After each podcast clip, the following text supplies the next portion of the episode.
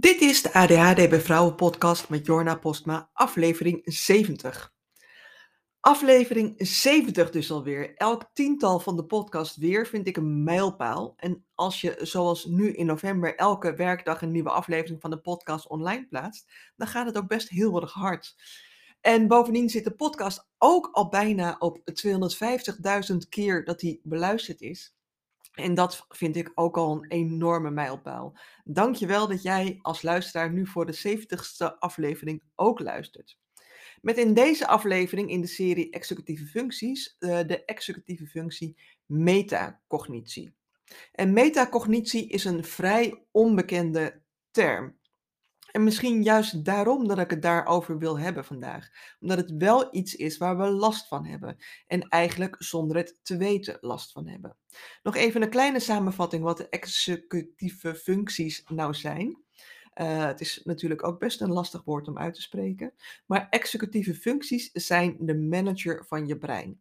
Ze zorgen ervoor dat de systeemprocessen goed verlopen, zoals taakinitiatie, tijdmanagement, planning en structureren, organisatie, werkgeheugen, emotiecontrole en dus ook metacognitie.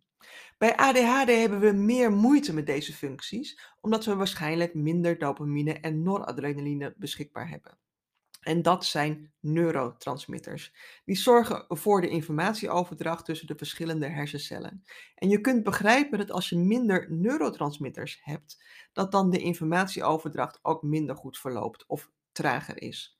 Dat geldt dus ook voor de executieve functies. Die werken dan echt minder goed. Zo ook metacognitie.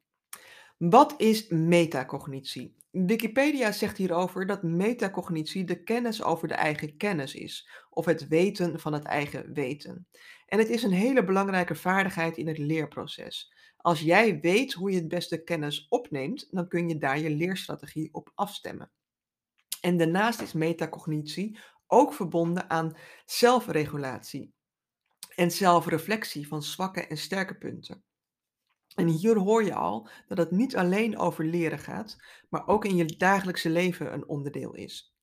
Vaak hoor je ook dat ADHD'ers erg moeite hebben met op zichzelf en hun eigen gedrag te reflecteren. En dat komt hier dus ook vandaan. Dat hoort ook bij metacognitie. En vooral bij eh, partners, collega's en andere mensen in de omgeving van de ADHD'er is dat een grote ergernis. En enerzijds is die ergernis terecht, want inderdaad hebben wij meer moeite met reflecteren op ons eigen gedrag. Anderzijds ook weer onterecht, omdat de niet-ADHD-partner of collega of iemand anders in je omgeving natuurlijk altijd het gedrag van de ander met ADHD zal vergelijken met zijn eigen referentiekader, hoe zijn eigen brein werkt. En omdat het brein van een ADHD'er op sommige vlakken echt iets anders werkt, is dat natuurlijk niet helemaal eerlijk. En het is ook het onderwerp waar de ADHD'er vaak best moeite mee heeft om te accepteren dat het zo is. Dat we inderdaad slechter zijn in zelfreflectie, terwijl we toch zo hard ons best doen. En juist dit punt is dan ook waar de burn-out vandaan kan komen. Omdat we minder goed begrijpen hoe we zelf functioneren, proberen we maar te doen zoals anderen functioneren. Wat natuurlijk niet lukt en daar loop je volledig op leeg. En dat kan dus leiden naar een burn-out. Alle ingrediënten zijn in ieder geval aanwezig om te leiden naar een burn-out. Het is echt het perfecte recept ervoor. Maar ook het imposter syndroom bij ADHD'ers komt hier vandaan. Het imposter syndroom betekent eigenlijk dat je je eigen kunnen voornamelijk onderschat. Dat als jij iets kunt, dan moeten anderen dat ook kunnen. Je hebt altijd het idee dat anderen erachter zouden kunnen, kunnen dat je eigenlijk niks kan. En dat je eigenlijk ook altijd vindt dat anderen dat wat jij kunt veel beter kunnen. Um, en hier maakte ik al een keer eerder een aflevering over. Je vindt de link daarnaar in de show notes. Ook het tegenovergestelde komt voor. Dat je juist je eigen kunnen overschat en ergens aan begint, zonder dat je eigenlijk precies weet wat het inhoudt. Zo heb ik ook wel eens impulsief gezegd dat ik wel alle kostuums voor een toneelvoorstelling wilde maken, bijvoorbeeld. Terwijl ik die skills helemaal niet had op dat moment. Aldoende leert men en uiteindelijk kwam het wel goed. Kostte wel bijna mijn toenmalige relatie, omdat uh, ons huis waar we samen woonden twee maanden lang meer op een naaiatelier leek en de eettafel niet meer gebruikt kon worden om aan te eten, bijvoorbeeld. Toen had ik overigens nog geen eh, ADHD-diagnose. Um, en ergens vind ik dat ook wel een goede eigenschap. Want als je geen beren op de weg ziet, kom je vaak wel tot originele en vernieuwende ideeën. Alleen werkt het soms ook helemaal niet, omdat je dan vaak wel enthousiast begint, maar het niet afmaakt. En soms werkt het ook juist heel erg goed, omdat je uh, dan een hele steile leercurve hebt als je op deze manier ergens aan begint. Um, maar het, is dus inderdaad ook best wel soms ook gewoon een valkuil niet helemaal begrijpen wat je doet en wat je in de ogen van de ander verkeerd doet, is de reden van heel veel problemen tussen partners met ADHD. En dat ligt echt niet alleen aan de partner met ADHD, ook aan het gebrek aan inlevingsvermogen van de partner zonder ADHD. Want die verwacht eigenlijk dat iedereen op dezelfde manier functioneert. En dat is natuurlijk niet zo. Begrip voor neurodiversiteit is dan heel belangrijk. En daarnaast natuurlijk ook het zelfreflecteringsvermogen van de ADHD-partner vergroten. En dat betekent dat je zelf beter leert hoe je in elkaar steekt, hoe het voor jou werkt en proberen om te kijken hoe je dat kunt verbeteren. Want je kunt wel zeggen, uh, ik heb ADHD, dus ik kan dat niet. Dan zit je heel erg in de slachtofferrol. En leg je het probleem eigenlijk overal neer, behalve bij jezelf.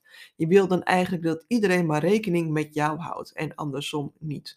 En zo zit de wereld natuurlijk niet in elkaar. Je zult met verschillende soorten mensen moeten omgaan. En zij met jou. In het hutje op de hei heeft natuurlijk helemaal niemand last van jou en jij van niemand. Maar of dat nou op de lange termijn zo haalbaar is, is natuurlijk wel twijfelachtig. Want wij zijn ook kuddedieren. We hebben sociale interacties ook heel erg hard nodig. Dat is ook waar we van opleven. Dat is waarvan we leren. En het versterken van je metacognitieve skills kunnen daarbij echt wel erg handig zijn. Want vaak weten we wel dat we aan het uitstellen zijn bijvoorbeeld, maar lukt het ons niet om op dat gedrag te reflecteren, wat nou een goede aanpak is om hiermee om te gaan. We blijven dan als verlamd zitten. Of we voelen ons gefrustreerd of gestrest of boos en we weten niet zo goed wat we daaraan moeten doen om dat de volgende keer te voorkomen. Of we halen deadlines op het werk niet omdat we niet goed kunnen plannen en structureren en niet op tijd aan de bel trekken om hier ook iets aan te kunnen doen. Of je raakt supersnel afgeleid als je wel ergens aan begonnen bent en lukt het je niet om weer te beginnen. En soms lukt het je zelfs niet om jezelf te kalmeren of uh, lever je bijvoorbeeld je werk in met heel veel fouten, vaak uh, domme fouten. Dat zijn er eigenlijk, nou ja, domme fouten, die zijn er wel. Uh, in ieder geval goed vermijdbare fouten. Ik ben erg van, van fouten maken en daarvan leren. Maar als wij werk inleveren omdat we te snel hebben gewerkt, um, of met een hele slechte planning, dan zitten er heel erg vaak vermijdbare fouten in. Zoals ik van de week bijvoorbeeld uh, even snel uh, iets deed aan een podcastaflevering en zo een hele opgenomen aflevering gedelete had. Of dat je een mail stuurt zonder bijlagen. Uh, of zonder tekst. Of ze in concepten opgeslagen hebben en denken dat je ze verstuurd hebt. Of appjes wel gelezen hebben, maar nooit beantwoord. En dit komt voor de ander over alsof je niet geïnteresseerd bent. Alsof het je allemaal niet interesseert. Terwijl dat vaak natuurlijk helemaal niet zo is. Ehm, maar alleen omdat het je niet lukt om op jezelf te reflecteren, op je eigen gedrag, lijkt dat natuurlijk wel zo voor de ander. En natuurlijk heeft, hebben, uh, iedereen daar wel, heeft iedereen daar wel eens last van dat ze bijvoorbeeld mail sturen zonder bijlagen. Ik durf alleen te beweren dat het bij ons net even iets vaker voorkomt dan bij mensen zonder ADD. En dit is natuurlijk vooral bij uh, ongediagnosticeerde en onbehandelde ADHD een probleem. Waarbij uh, ongediagnosticeerd natuurlijk heel logisch is. Want als je niet weet dat ADHD aan, het, aan de wortel van jouw problemen liggen, dan kun je daar niet eens op reflecteren. Dus dat is sowieso al een ding. En onbehandeld klinkt hierbij alsof ik iedereen maar aan de medicatie eh, wil, maar dat vind ik helemaal niet. En dat, dat hoeft voor mij ook helemaal niet. Want een ADHD, ADHD-behandeling kan natuurlijk ook bestaan uit meer zelfkennis verkrijgen over hoe het nu voor jou werkt en hoe dat anders is dan anders. Want alles is tenslotte informatie. Alles wat je doet en geprobeerd hebt, is informatie dat je kunt gebruiken om het de volgende keer beter of anders aan te pakken. Want dat is ook metacognitie. Dat je dat inziet. Dat alles informatie is en je, je dat kunt gebruiken om het de volgende keer beter te doen. Alleen is de kans groot dat wij de volgende keer er net zo onbesuist invliegen als we de vorige keer hebben gedaan. Dat je weer te laat begint aan een opdracht. Of weer pas een dag van tevoren bedenkt dat je nog 500 woordjes moet leren voor je toets Frans. Of dat je weer vergeten bent om wc-papier te kopen. En je kunt begrijpen dat metacognitie op deze gebieden heel erg hard nodig is. Ook in een uh, schoolse omgeving is het uh, echt onontbeerlijk. Want als jij niet reflecteert op je eigen leerstijl, als je niet op een toets nog even terugkijkt of je wel het goede en volledige antwoord hebt gegeven, dan kan je schoolcarrière uitlopen op een opeenstapeling van problemen. Want het zelfreflecterend vermogen waarbij je reflecteert op hoe je de vorige keer geleerd hebt en hoe je de vorige keer geantwoord hebt op de toets en wat je behaalde cijfer daarbij is, geeft informatie of die manier voor jou gewerkt heeft. En zo niet, dan is het handig om een andere manier te kiezen. Misschien leer jij het beste door samenvattingen te maken of woordjes leren door ze in te spreken en te luisteren als je fietst, bijvoorbeeld. Of door tekeningen te maken uh, bij je geschiedenislessen, zodat je een beeld hebt bij wat je leert. En dat is een kwestie van uittesten. En heel veel ADHD'ers hebben er ook last van dat ze een toets bijvoorbeeld snel af willen hebben, waardoor ze niet zorgvuldig zijn in de antwoorden. Of dat je het antwoord in je hoofd compleet helder hebt. Je weet het antwoord in je hoofd, maar doordat je zo snel werkt, uh, schrijf je maar halve antwoorden op.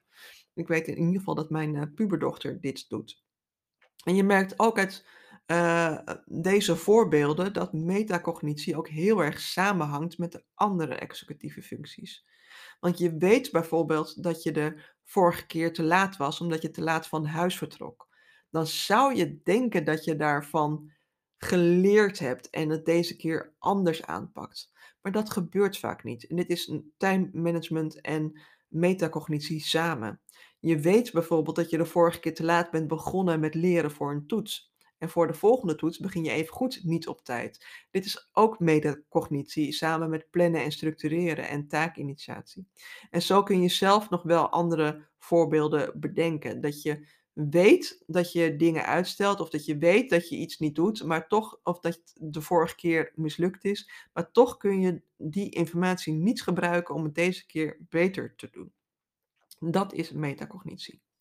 En zo kun je zelf nog wel echt wel honderd, nou ja, misschien wel duizend andere voorbeelden bedenken die in jouw leven hebben plaatsgevonden.